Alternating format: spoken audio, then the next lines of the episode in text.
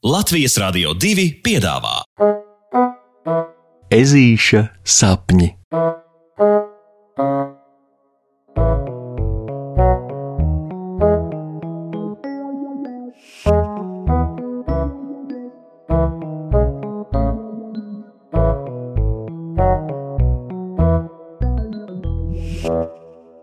Ezītis ir norījis klaunu.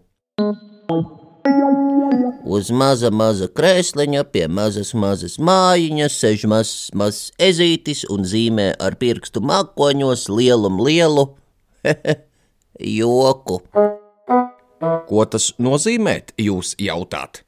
Es jums pateikšu.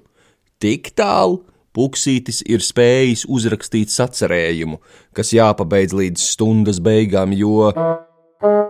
Jo vienkārši šodien puksītim un vēl daļai klases biedru ir mega giga super duper epic zepik čimpiņa rimpiņa rallā tralasā garstāvoklis. un kā izrādās, tad reizumis citiem var traucēt, bet citiem pielīp.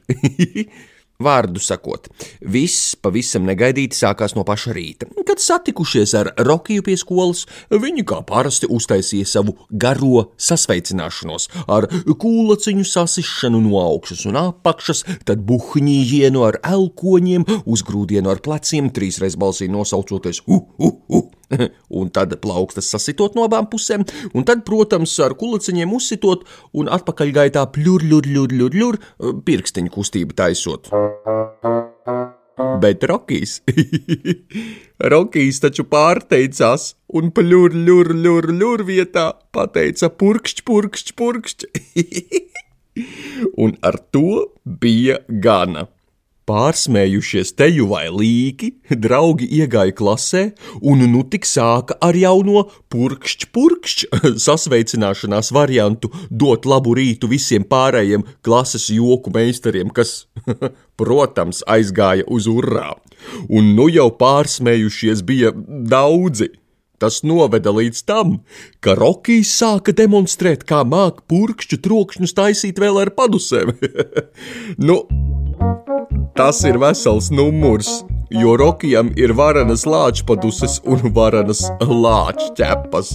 Rezultātā viss kaut kā nonāca līdz padušu purkšķu skaņu sacensībām un vēl lielākiem smiekliem, kas īsti nebeidzās arī tad, kad klasē jau bija ienākusi arī skolotāja meža cūka Loreta, un visi klases lielākie jokmīļi bija tā aizrāvušies ar smiekļošanos ka tā arī nevarēja rimties arī stundas laikā, ik pa brīdim izplūstot nekontrolētos smieklu spurdzienos. Lieki teikt, ka klases solidākajiem audzēkņiem gan šie joki īpaši pie sirds negāja, un skolotājai Loretai netika.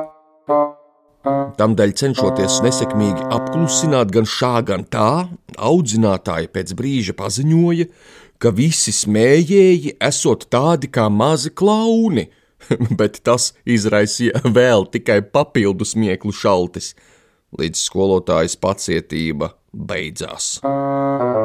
Apmēram ap to laiku, kad stunda jau bija pusē, skolotāja Loreta vienkārši pieklājīgo klases daļu, teju visas meitenes un cienās Žoržu, palaida mājās, bet jokotājiem uzdeva rakstīt sacerējumu ar nosaukumu mani poetiskie sapņi, lai kā viņa saka, ar mākslu mazliet padzesētu smējēju sakarsušās galvas. Un tā, it kā ar to nebūtu gana, piekodināja, ka klasē nu jāvalda absolūtam klusumam, jo pirmais, kurš izdvesīšot kaut skaņu, dabūs neieskaitītu vērtējumu un viss, hu, hu, hu, tas gan bija šerpi.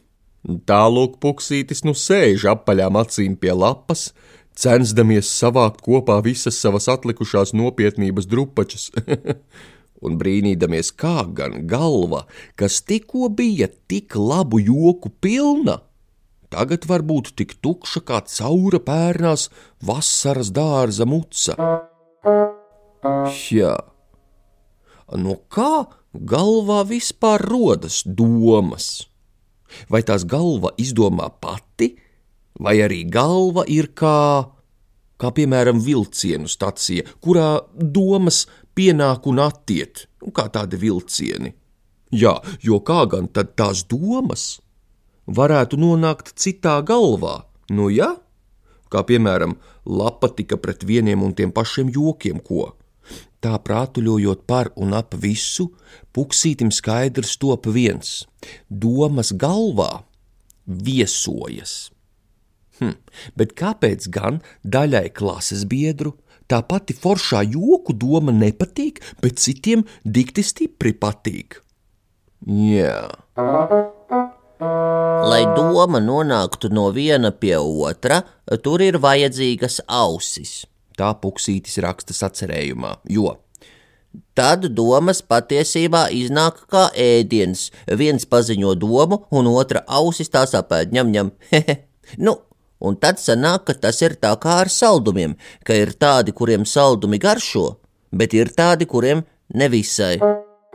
À, un tā kā spriežot pēc man tuvāk sēdošo klases biedru ausīm, tās nekā īpaši cita no citām neatšķiras man nākas secināt, ka viss atkarīgs no jokiem.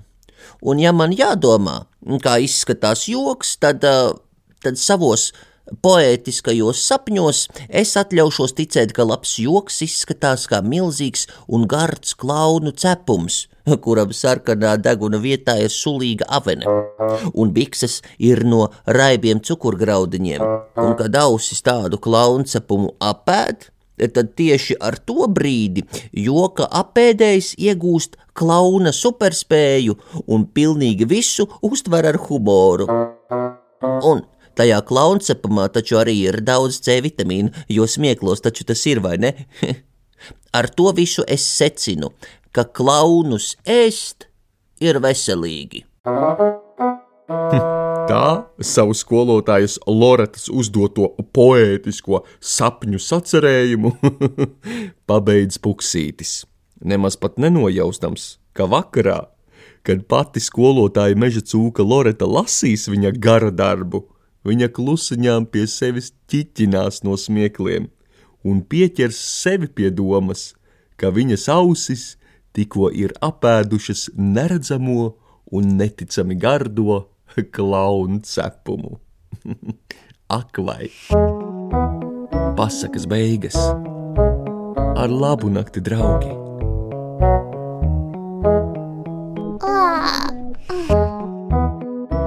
Saldus tev sapnīšus! Tiksimies rītdien!